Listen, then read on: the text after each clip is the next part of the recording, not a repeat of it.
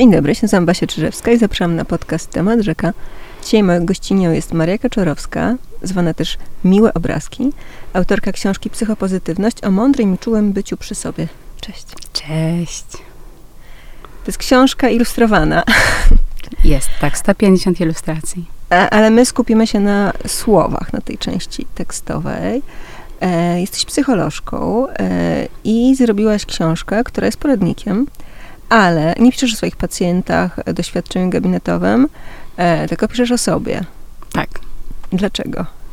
Dlatego, że mm, to jest śliski etycznie temat pisania o swoich pacjentach. Irwin Jalom tak robi, a to jest Irwin Jalom. e, Na, Wielu, wiele osób tak robi, e, mówiąc, że to nie są historie, e, pod, po których można rozpoznać ich pacjentów, że one mają zmienione dane osobowe, natomiast są wyciągnięte z życia, więc są autentyczne i zawierają pewne mechanizmy, które mogą być edukacyjne dla czytelników. mhm, no, wierzę. Natomiast pytanie, jak czują się pacjenci czy klienci, którzy czytają o sobie z interpretacjami i czyta o tym bardzo dużo osób. Czyli ty idziesz tą czystą drogą, mówisz o sobie, o, rozbierasz się przed czytelnikiem do rosołu. Czy do rosołu? Wiesz, no, częścią tej książki mm, ona bardzo wynika z tego, jak ja pracuję i w co ja wierzę.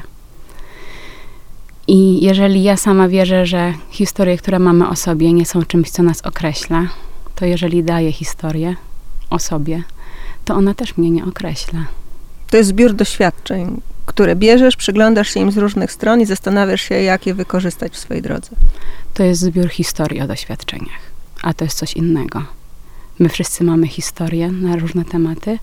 Ja nawet w książce mm, wspominam, że e, pewnie nieraz czytelnika okłamę, ale to nie dlatego, że chcę, że to będzie mój cel, żeby go oszukać, tylko dlatego, że mój umysł w pewnym momencie będzie tworzył jakąś historię, a już kiedy za tydzień albo za dwa tygodnie albo za pół roku znów sobie przypomnę tę samą sytuację, pewnie opisałabym ją zupełnie inaczej. Ja tutaj szeleszczę książką, żeby znaleźć to zdanie, które pada na koniec. Wszystko w tej książce zostało zmyślone. Tak.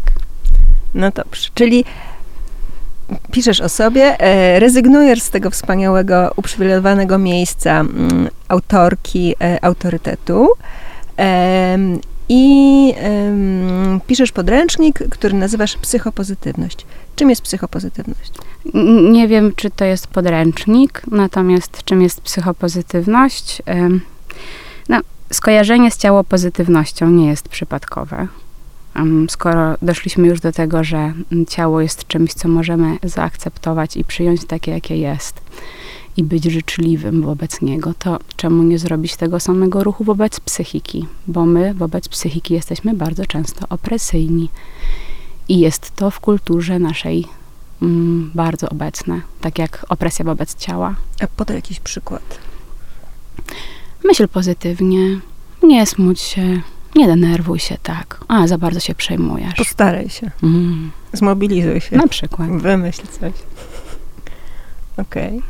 Nie powołujesz się też na autorytety. To nie jest książka, mm, w której są badania, liczby, nazwiska, cytaty.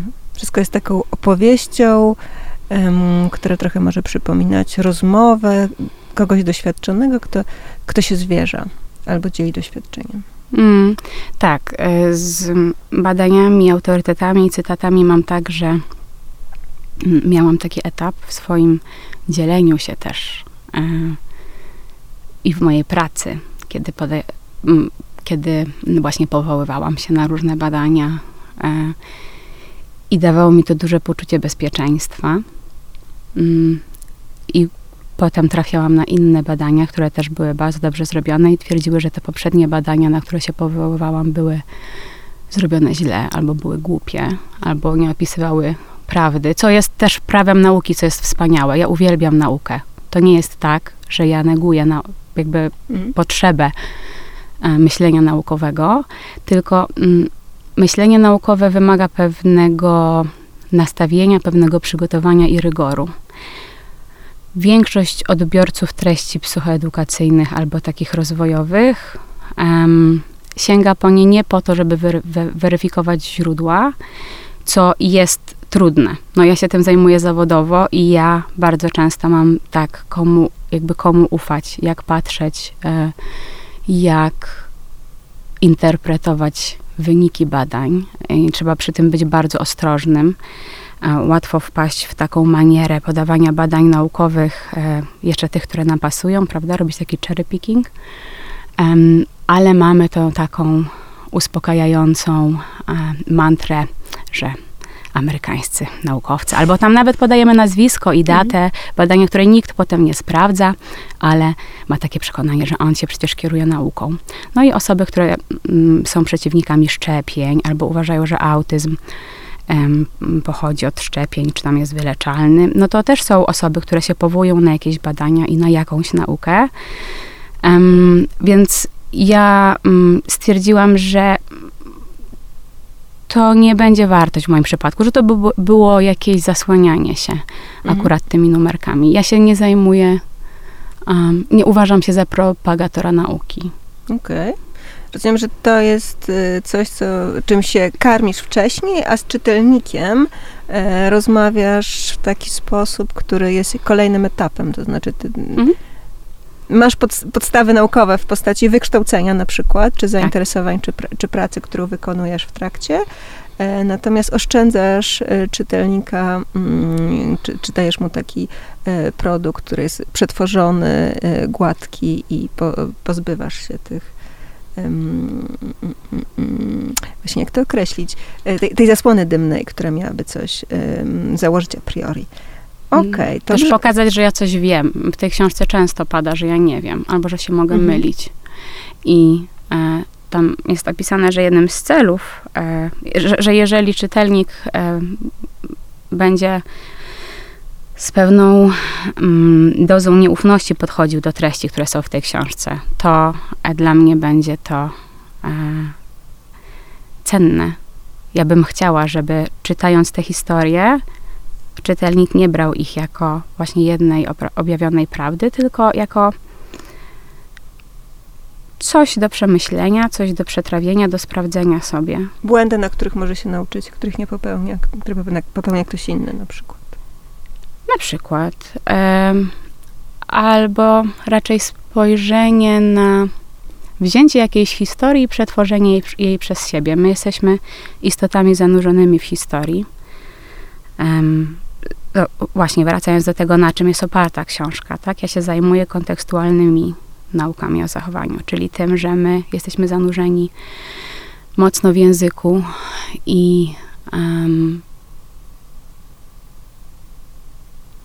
To może no. po, powiedzmy o budowaniu historii, bo wydaje mi się, że to jest kluczowe, że mm, książka pokazuje, że każdy z nas buduje swoją historię, mhm.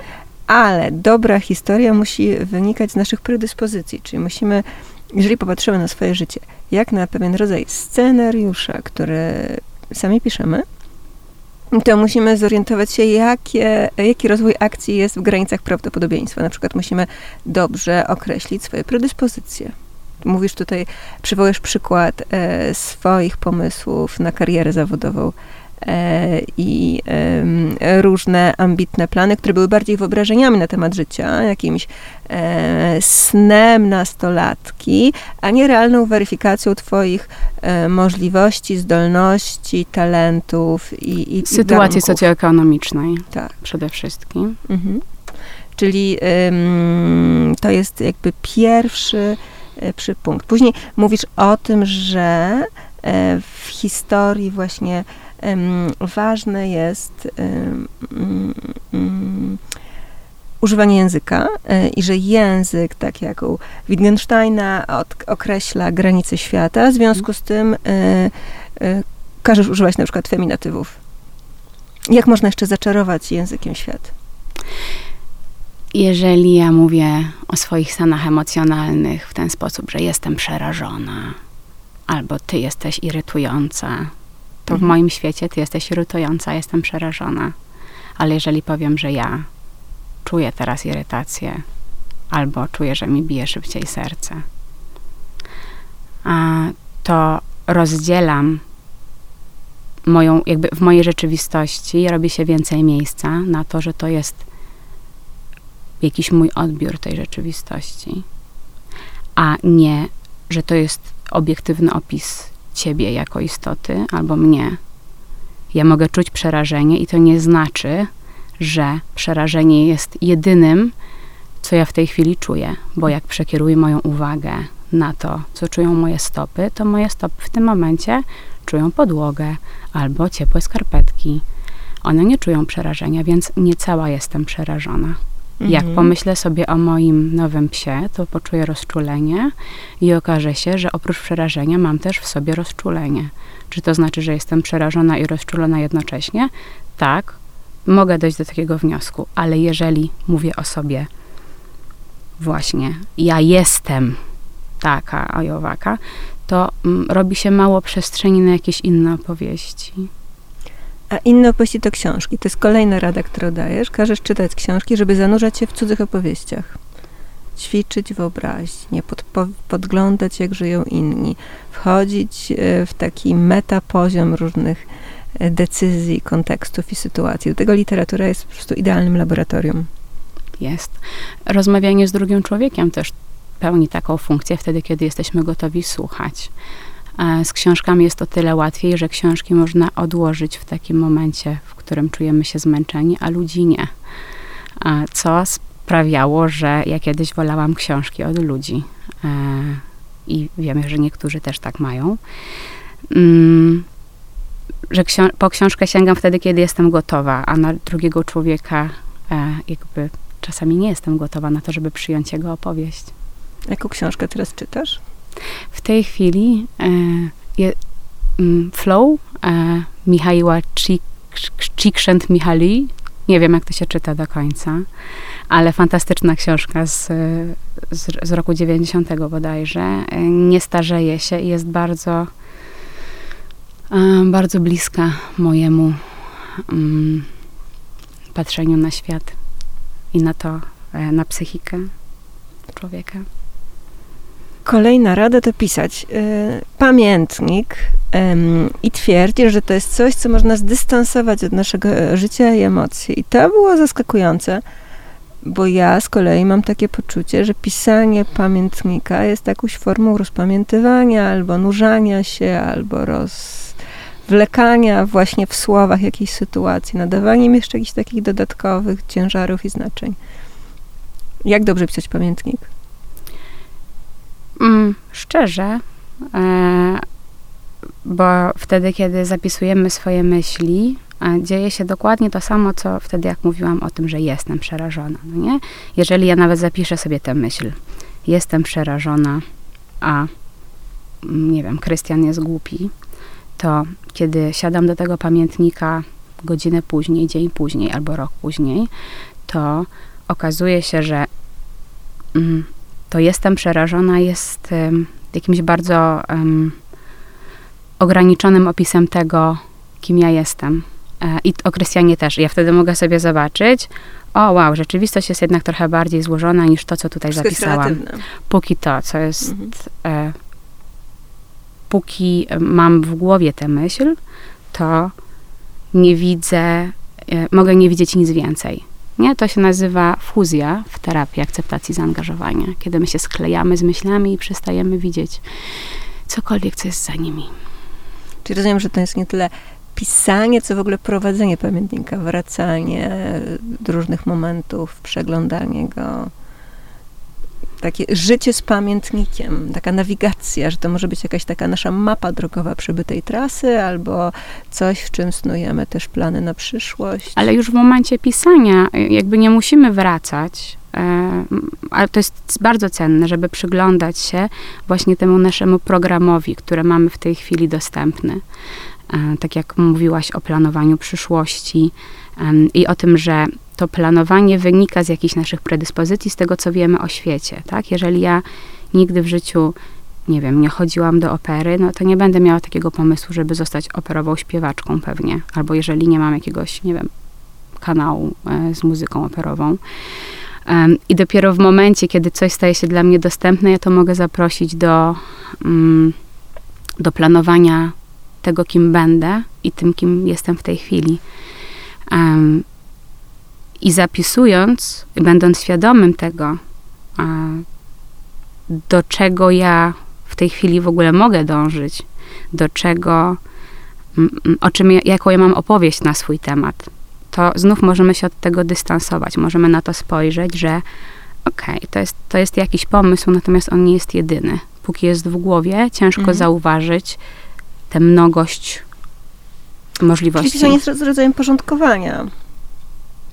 Przede wszystkim y, porządkowania, tak, ale to porządkowanie, y, kluczowym procesem jest oddalanie się od, od myśli.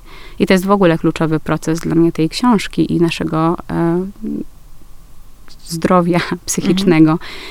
Jeden, jeden z kilku takich podstawowych to jest to, że my przestajemy wierzyć w nasze myśli, jakby były jedyną możliwą, e, jedynym możliwym opisem rzeczywistości.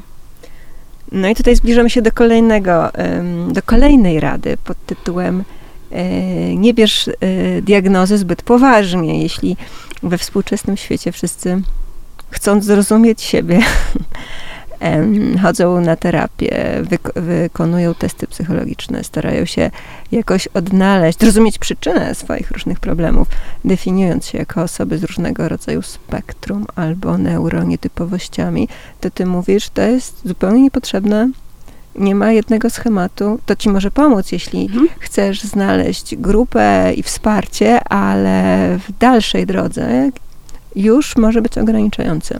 Wszystko może być ograniczające wiesz, kontekstualizm polega na tym, że wszystko w swoim kontekście może być użyteczne albo nieużyteczne. I diagnoza może komuś pomóc, nawet jeżeli jest diagnozą nienaukową, nawet jeżeli jest diagnozą opartą na jakiejś, nie wiem, w siubździu ktoś się, była e, taka internetowa inba o wysoką wrażliwość, mhm. E, natomiast wielu osobom e, ta etykieta bardzo pomogła. Przyzwoliły sobie na to, żeby odczuwać głębiej. Żeby w ogóle czuć. Mhm. No dobrze, to gdzie leży ta granica dobrej e, i źle przyjętej diagnozy? Pytanie, co jest użyteczne, co jest nieużyteczne, a jeżeli chodzi o um, same diagnozy, no właśnie, z tą neuroróżnorodnością, to um, mam akurat tak, że sama wysyłam często moich klientów, osoby, z którymi pracuję na diagnozy um, właśnie um, autyzmu i ADHD, dlatego że taka diagnoza często tłumaczy sposób funkcjonowania, który jest faktycznie. My nie mamy dobrego opisu jeszcze tej neuroróżnorodności. Ja mam takie przekonanie, że nauka um, za jakiś czas um, te nasze um, opisy ADHD i autyzmu wyśmieje i da jakąś lepsze, jakieś lepsze kategorie opisujące te um, to, z czym się mierzą osoby, które teraz dostają te diagnozy. Um, dużo dalej mi jest za to do diagnoz e, zaburzeń nastroju i zaburzeń lękowych. Dlatego, że przynajmniej w mojej praktyce one wydają się dużo bardziej nieużyteczne. Dużo więcej powodują cierpienie. Wydają się e, akurat w moim gabinecie przynosić więcej cierpienia niż wolności. Brak y, trzymania się diagnozy to jest takie uelastycznianie swojej opowieści. Mówisz o tym, że e, wtedy zaczynamy zwracać, jeżeli nie bierzemy mm, pod uwagę takiego e, takiego wyroku, którym może być na przykład um, książkowa definicja danego, danej przypadłości, to możemy uelastyczniać, uelastyczniać naszą historię, e, ponieważ bardziej skupiamy się na okolicznościach i wchodzimy w sytuację z czystą kartą. Ja, ja tak to zrozumiałam, że analizujemy sytuację, a nie stajemy się jakimś algorytmem, który ma działać według określonego schematu. Analizujemy kontekst. No, znów wracamy do mojego ulubionego słowa, yy, dlatego że DSM, czyli ta klasyfikacja statystyczna yy, i diagnostyczna chorób, yy, którą się posługujemy w Stanach, i nasze europejskie ICD-10, 11 przepraszam w tej chwili, to są klasyfikacje, które są oparte na takim e, biomedycznym patrzeniu na człowieka, e, na diagnozie nozologicznej, w której mamy jakiś zespół objawów i na te zespoły objawów szukamy leczenia, szukamy protokołów i w tym jest świetna terapia poznawczo-behawioralna. Ona tworzy protokoły, które mają zmniejszyć objawy. No i robimy wtedy właśnie znów badania naukowe, w których sprawdzamy, że osoba, y, której udzielamy wsparcia, po 12 sesjach wychodzi, no ma mniej tych objawów niż miała, świetnie odnotowujemy sukces terapeutyczny. Um, sprawdzamy po pewnym czasie, czy ma te objawy w takim natężeniu, jak miała na początku. No nie, nie ma, więc stwierdzamy, no świetnie, naprawdę nasza metoda tu jest genialna, nie ma tych objawów. Tymczasem no, klienci, pacjenci, jakkolwiek to um, nazywają osoby udzielające pomocy, um, często wychodzą z gabinetu bezradne i one faktycznie zmieniają się objawy, ale utrzymuje się cierpienie. Jest mniej, e, rzadziej nam się zdarzają napady takiego lęku, e, na przykład m, panicznego.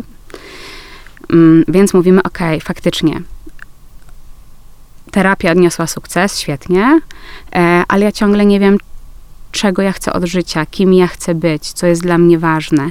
I zostaję w takim poczuciu dalej cierpienia. Ono nie wpisuje się już w taki model ten biomedyczny. Ja już wtedy nie jestem chora, jakkolwiek to brzmi. Mhm. Ja dlatego nie znoszę tego modelu. Ja nie twierdzę, że osoba, która ma też te napady paniczne, ona jest chora albo zaburzona i teraz ja ją muszę wyleczyć. Mhm. Tylko bardzo często jest tak, że brakuje jej umiejętności. I to nie jest tylko mój pomysł, to jest pomysł też, e, który mm, teraz um, jest taki nurt psychoterapii opartej na procesach. To nawet nie jest nowy nurt terapii, tylko to jest nowy sposób patrzenia na wszystkie modalności terapeutyczne. I on jest dla mnie wspaniały, bo on szuka różnych. Um, on szuka, dlaczego różne nurty właściwie działają. Jak to jest, że ludzie idą na terapię gestalt i wychodzą z niej zadowoleni, chociaż e, no, nie da się tam przeprowadzić takich badań, jakie da się przeprowadzić na przykład przy cebecie. Jak to jest, że z cebetu, um, czyli z poznawczo-behawioralnej, ludzie a, też e, niektórzy wychodzą um, czując się znacznie, znacznie lepiej.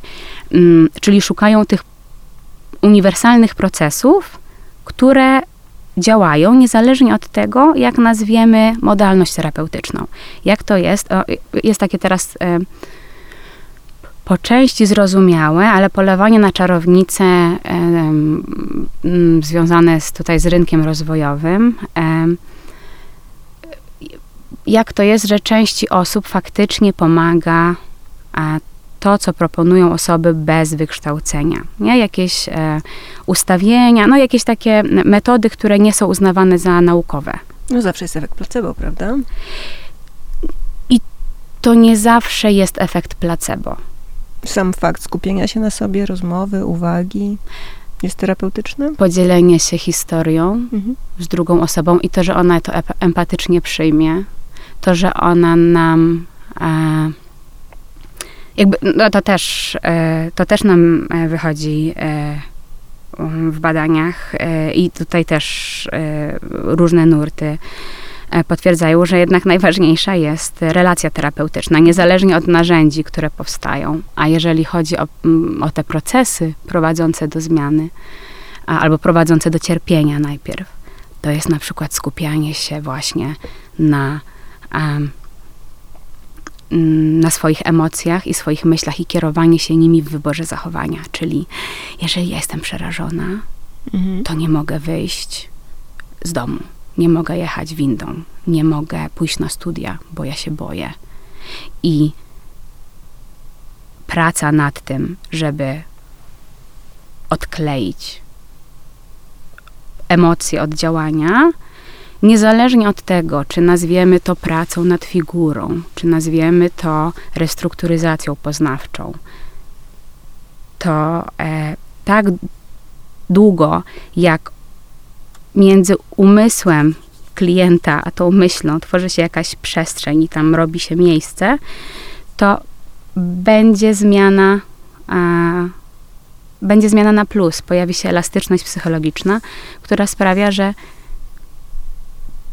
osoba, której pomagamy, zaczyna wybierać z większą swobodą to, co jej służy. Przypomina mi się rysunek Kajzerki, który umieszczasz e, w książce.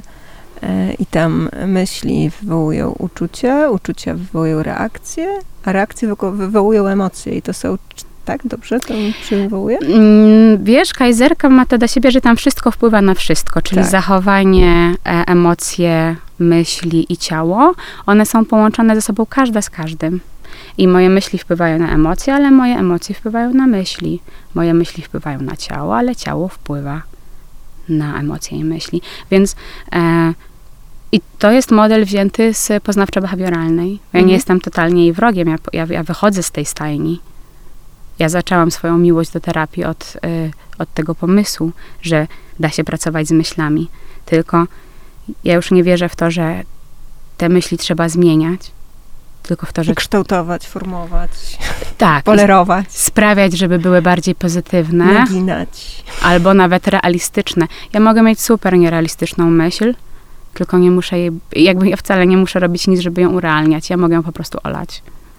Nawet wręcz dobrze jest ją zauważyć i się do niej odnieść na zasadzie poszerzania swoich doświadczeń i takiego szukania szerszego spektrum i kontekstu, prawda?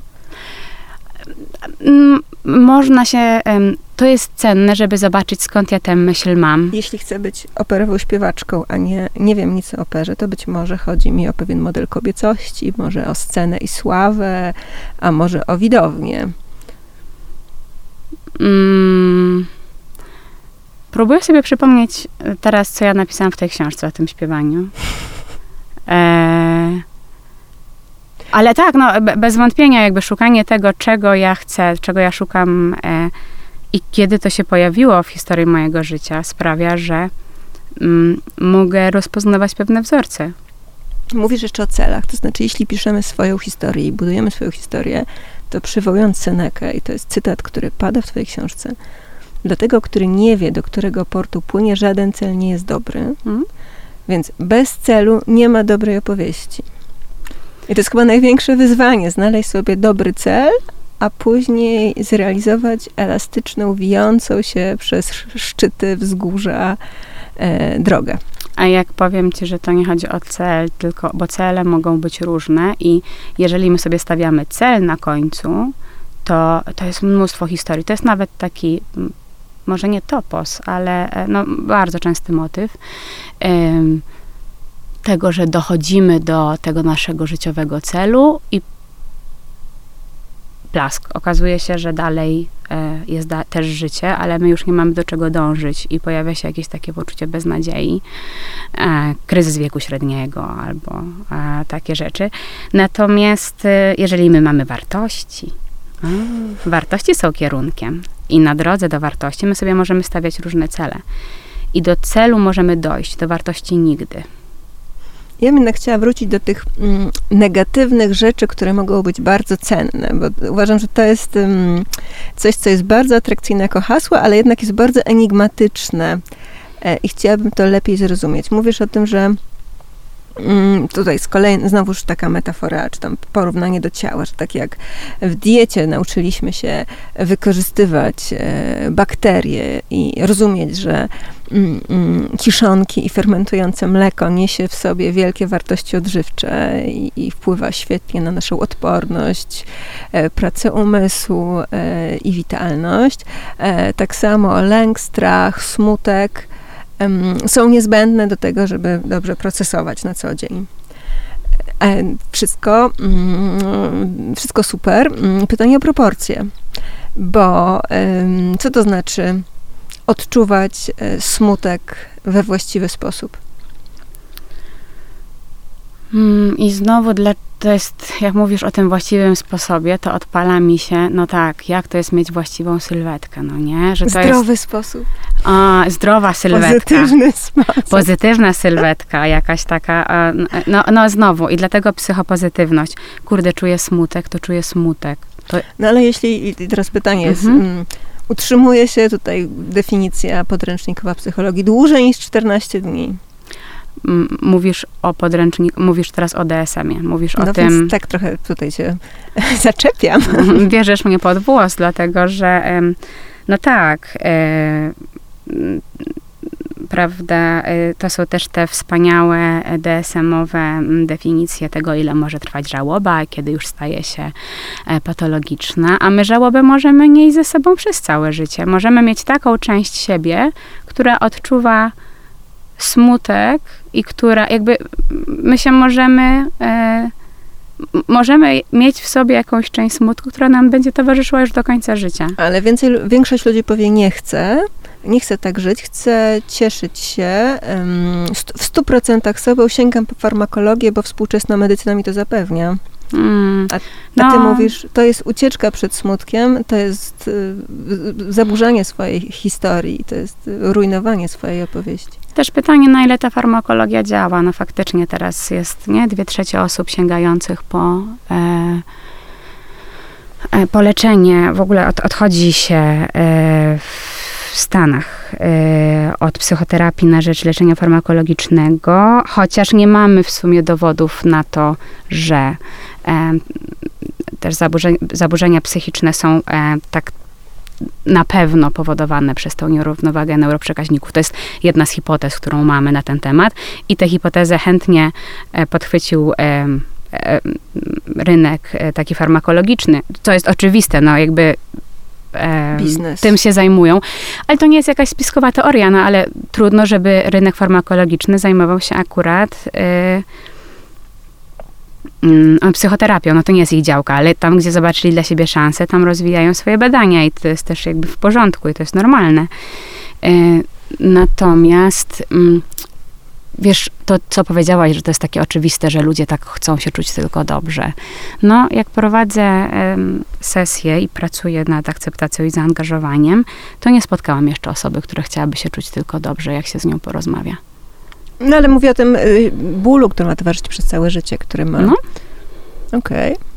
Nie, nie spotkałam naprawdę. Jeszcze nie było tak, żeby y, jak ktoś przychodzi na początku, to często ma taki cel emocjonalny, że chciałby się no właśnie czuć dobrze, albo czuć mniej lęku, albo nie czuć smutku, albo nie mieć o sobie takiej myśli, że jest beznadziejny. Pewnie. To jest bardzo częsty motyw, który się pojawia. Ale jak sobie tak siedzimy i gadamy, to potem się okazuje, że e, wiesz, daję taką bardzo często, pozdrawiam moich klientów, bo pewnie rozpo, rozpoznają ten e, wzorzec, ale ja się często pytam, a jakbym ci dała tabletkę i ci albo usunęła, zrobiła ci lobotomię przez oczodołową i e, usunęła umiejętność w ogóle odczuwania lęku i smutku. Ze wszystkimi tego konsekwencjami, po prostu byś tego nie czuła. Albo dałabym ci tabletkę i byłabyś już zawsze w takim błogim spokoju. Trochę, trochę tak działa heroina. Albo marihuana. Mm, marihuana często powoduje akurat lękowe jeszcze odpały. Mhm. E, ale przy heroinie e, to e, właśnie taki błogi stan, nie czuć bólu ani egzystencjalnego, ani fizycznego. I ze wszystkimi tymi, tego konsekwencjami mówię, wiesz, mam, mam fiolkę morfiny, mogę ci tutaj życiowy zapas dać. Nie, nie, to nie o to mi chodzi. Ja mówię, to o co ci chodzi? Czego pragniesz w życiu? Czego, jakby, jakie jest to twoje dobre życie? Skąd będziesz wiedziała albo wiedział, że nasza praca odniosła sukces? Mhm. No, piszesz też o traktowaniu strachu, bólu e, i straty jako życiowej porażki, jako w ogóle błędnych założeniach. No, co robię źle, że czuję smutek albo lęk. Mhm nie jestem niewystarczająco dobry. Nie, nie udało mi się, moja niezaspokojona ambicja mnie zżera. No, albo ja po prostu coś jest ze mną nie tak. No przecież gdybym był normalny albo normalna, to wtedy bym czuła e, tylko radość, prawda? Bo e, i, byłabym i, i nieustanną motywację do wszystkiego, co tylko sobie wymyślę. E, I to jest jakiś tak wielki brak zaufania do e, swojego umysłu i do swojego ciała. W ogóle do tej maszyny, którą my tutaj mamy i która, e, mówię o mózgu, e, to już nawet nie chodzi o umysł, o, o, umysł ludzki, jakkolwiek on jest stworzony, ale my mamy tendencję do unikania dyskomfortu od czasów naszych pra, pra, pra, pra dziadków, dochodząc do organizmu, organizmów jednokomórkowych, które jak czują dyskomfort, jak coś im zagraża, to się wtedy odsuwają, prawda? Gdzieś tam się kurczą, rozkurczają, przesuwają się tam, gdzie ich nie parzy. E, woda już na przykład. Więc e, organizm, e, przepraszam, e, więc mechanizm uciekania od dyskomfortu jest starszy niż kręgowce, jest starszy niż. no tak, no chciałam, tak, starszy niż, niż nasz gatunek, a czy w drugiej kolejności niż nawet nasza grupa. Ewolucyjny. Tak, tak, totalnie. No dobrze, ale w tym wszystkim e, potrzebna jest odwaga. To znaczy, żeby um, znieść cierpienie, smutek, pokonać lęk, e, wybić się na inny poziom, albo mieć świadomość, że przepracowujemy tą sytuację, ponieważ mamy jakiś cel, ponieważ coś nas czeka. No to właśnie musimy mieć tą odwagę, która każe nam sięgać po zmianę, po coś nowego, każe nam kształtować tą historię. E, I, I pytanie, skąd brać siłę? No i znów wracamy do wartości. E, dlatego, że sam cel, no jeżeli ja tam chcę, no nie wiem, jaki mogę mieć cel. E, chcę zostać tą śpiewaczką, śpiewaczką na przykład, o której już e, tak przy, przywoływała się. Jeżeli to jest mój cel, ale to nie jest moja wartość, to nie jest moja wartość, żeby śpiewać codziennie. To nie jest moja wartość, że ja jak ja nie gram, nie siadam do pianina i sobie nie pogram, to mi jest wtedy gorzej w życiu, bo e, wtedy, kiedy siadam, wtedy, kiedy ćwiczę, wtedy, kiedy słucham innych muzyków, to ja wtedy czuję, że żyję. To ta droga do bycia śpiewaczką operową, ona jest taka mm, bardzo spójna i sprawia, że ja się nie muszę do tego dodatkowo motywować, mhm. bo to jest o moim życiu. Rozumiem, że taka śpiewaczka w momencie, kiedy zostanie odrzucona, hmm. ma mieć taką przyjemność samego śpiewu, że będzie uspełniać na przykład praca z dziećmi w przedszkolu, tak? Później, przy złamanej karierze. Jeżeli moją wartością jest muzyka, mhm. To y, będę ją realizować zmywając naczynia i pracując gdziekolwiek indziej, bo ważny jest dla mnie kontakt z muzyką. Muszę cię teraz spytać o, o, kulisy powstania tej książki. Jak ona powstała? Wiem, że pisałaś ją w Danii. Pracuję bardzo dużo online. No, COVID tutaj pozmieniał, e, więc pracowałam z ludźmi nie tylko w Danii, ale też z całego świata, e, którzy, z którymi łączyłam się po prostu z mojego gabinetu w Danii. Mm, pracowałam z Polkami, prowadziłam krąg kobiet tam E, też na miejscu, ale kontekstem powstania tej książki jest przede wszystkim moja choroba i to, że e, pisałam tę książkę po przeszczepie wątroby, po tym jak duńscy lekarze uratowali mi życie. I trochę zwolniłam wtedy. Pracowałam mniej e, ze względu na taką rekonwalescencję, powiedziałabym. I miałam czas na to, żeby pisać książkę. I, i co ta książka ci dała terapeutycznego? Terapeutycznego dla mnie. Um, ten proces pisania, to, żeby coś zrobić od początku do końca, coś dużego, coś spójnego, jest dla mnie niewiarygodnie trudne. E, I mam satysfakcję. To jest jak taka góra, którą e, jak patrzymy, że przeszliśmy i odwracając się, jesteśmy w szoku, że kiedy idziemy, to tak jakoś czujemy ten wysiłek i przedzieramy się, a potem odwracamy się i okazuje się, że to już jest po. Ja tak mam z tą książką, że dla mnie pisanie na jeden temat przez rok i za, staranie się zachow o zachowanie jakiejś takiej spójności w tym, to był ogromny wysiłek, e, dlatego że ja zazwyczaj nie funkcjonuję w ten sposób. E, ja piszę krótkie formy, rysuję e, mało skomplikowane obrazki, nad którymi nie ślęczę godzinami. Komiksowe obrazki, które są też ilustracją do kolejnych rozdziałów w książce. Tak. E, I to mi zazwyczaj e, jakby pracuje z rywami, a tutaj ten trzeba było utrzymać motywację przez rok do pracy. I to było wielkie wyzwanie, takie też. E, rozwojowe. Ostatni raz umęczyłam się tak przy pracy magisterskiej. Zobaczyłam też e, to już po wydaniu książki. E, dojrzałam pewne luki w swoim myśleniu takim kontekstualnym i widzę, że tam, gdzie piszę, e, gdzie wydawało mi się, że już piszę o akceptacji i że ta akceptacja już, już się pojawia, teraz, patrząc z perspektywy czytelnika, widzę, że teraz weszłabym jeszcze głębiej w to. A to też jest kwestia mm, takiego intensywnego zanurzenia się teraz w um, jeszcze inny rodzaj pracy. Um, w, wiesz, w taką. Ja teraz też pracuję inaczej z klientami. Już po tym, jak oddałam tę książkę, to zaczęłam, jak, jak ją kończyłam i jak już ją oddałam, to zanurzyłam się bardzo mocno w taką pracę z klientami, w której ja jestem bardzo transparentna i bardzo, nawet w trakcie sesji, e, wymieniamy się tym, co czujemy z klientami. I znów to jest to, do, co do czego pamiętam, jak rozmawiałyśmy, miałaś takie wątpliwości właśnie o tym, że psycholog czy terapeuta tak często wychodzi z takiej pozycji tego, kto wie i tego, kto jest taki poukładany i przychodzi ten... Bo to jest bardzo uspokajające dla pacjenta, że on wie, że może się tam schować pod skrzydłami. Mm, wiesz, co uspokajające? No tak, ale nie wszystko, co uspokajające. Znowu wracamy do użyteczności. To, że coś mnie uspokaja, jak leki, nie znaczy, że jest dla mnie dobre. Moi e, klienci... E, bardzo. Ja, to, to, to zresztą to jest ich sprawa, ale powiem, co ja mam. Dla mnie było szokujące, jak trenerka tego nurtu terapii, który ja uprawiam, odsłoniła przede mną i przed całą grupą szkoleniową takie swoje różne brudne rzeczy. I to było najpiękniejsze, co mi się zdarzyło. I potem ci wszyscy ludzie zajmujący się właśnie mm, trzecią falą behawioryzmu.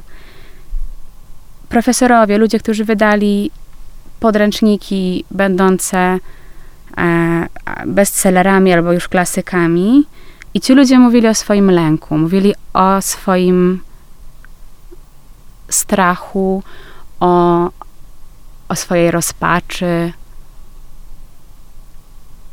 I ja na początku nie mogłam aż w to uwierzyć, że to było dla mnie szokujące też że ja rozumiem, no tam jakieś e, może lokalne e, psycholożki, psychologowie i terapeutki, no to może się z czymś takim mierzą, ale te gwiazdy terapii, a oni jadą z takim koksem jakby bardzo ciężki kaliber różnych rzeczy. Musisz powiedzieć mniej więcej, jak ciężki. No wiesz, nie jeżeli... podajemy nazwisk, ani... Jeżeli spotykamy się na, e, jeżeli spotykamy się na, terap- na, na konferencji światowej nauk kontekstualnych o zachowaniu. I tam jest spotkanie o tym, jak, e, jak żyć z myślami samobójczymi. Mhm. Jak żyć z cierpieniem i z rozpaczą. I ci wszyscy piękni, uśmiechnięci ludzie, którzy są najbardziej pomocnymi, najwspanialszymi, oso- najwspanialszymi osobami, jakie znam. Z ręką na sercu, ze łzami w oczach, mówią, jak często doświadczają rozpaczy, to, to dla mnie to jest jakoś przejmujące i przepiękne, bo oni w tej swojej rozpaczy wybierają, cały czas wybierają życie. Wybierają, albo wybrali je kiedyś w bardzo czarnych momentach, tak definitywnie, albo wybierają je teraz. I jeżeli to nie jest modelowanie tego, jak żyć w świecie, w mhm. którym człowiek cierpi, w imię właśnie e, wartości, e, wspólnoty i no. wyznaczania sobie celi. Mhm. Ale lubisz te cele, widzę. No nie, no bo to wszyscy dążą do czegoś. Ja uważam, że książka jest wspaniałym celem i chciałam spytać o kolejny. Hmm. Jeszcze nie wiem, y, czy będą jakieś kolejne książki. Na razie kontynuuję to, co przynosi mi moją witalność, czyli praca z ludźmi. I właśnie to jest ten ta różnica między celem a wartością. Ja się upieram przy tych wartościach, Basiu, bo wiem, co mi służy, i to jest tak, że w momencie, kiedy ja to przestanę robić, to to przestanie mi służyć, to przestanie mnie trzymać. To tak jest z wartościami, że jeżeli moją wartością jest bycie przydatnym, użytecznym, życzliwym, to nie mogę powiedzieć, że no dobra, już, się, już nabyłam się życzliwa i pomocna, e, więc moje życie już jest zaliczone, to teraz będę, e, teraz już będę wredna i, i będę myślała tylko o sobie. No to tak e, nie działa, nie? Ja cały czas, jakby codziennie moim celem jest, jeżeli już tak One są lubisz wpojone, cele, one są, one są jakby już immanentnie wprowadzone w nas, wartości. To chyba nie jest taka rzecz, którą można podnieść, a później upuścić, jeżeli to jest, to jest element światopoglądu, tożsamości, To są najtrwalsze optyki. historie, jakie mamy o sobie, ale możemy wybierać, e, że jakaś z tych historii danego dnia albo w danym momencie życia e, będzie szczególnie pielęgnowana, Mhm. bo e, to jest też rzecz, która prowadzi do cierpienia, jeżeli my nie żyjemy w zgodzie ze swoimi wartościami, jeżeli my ich nie pielęgnujemy. Ja w tym momencie mam wspaniałe poczucie pielęgnowania swoich wartości, więc moim celem, na, naprawdę nie mam takich e, celów, e, nie wiem, że tam kolejna książka, albo to, albo tamto. Mam jakieś plany, jasne. Życie w określony sposób może być celem. E, tak, Mhm. czyli tutaj takim moim mini celem jest przeżycie Mhm. każdego dnia w pewien określony sposób. Bardzo dziękuję za spotkanie. Dziękuję Ci też za tę rozmowę.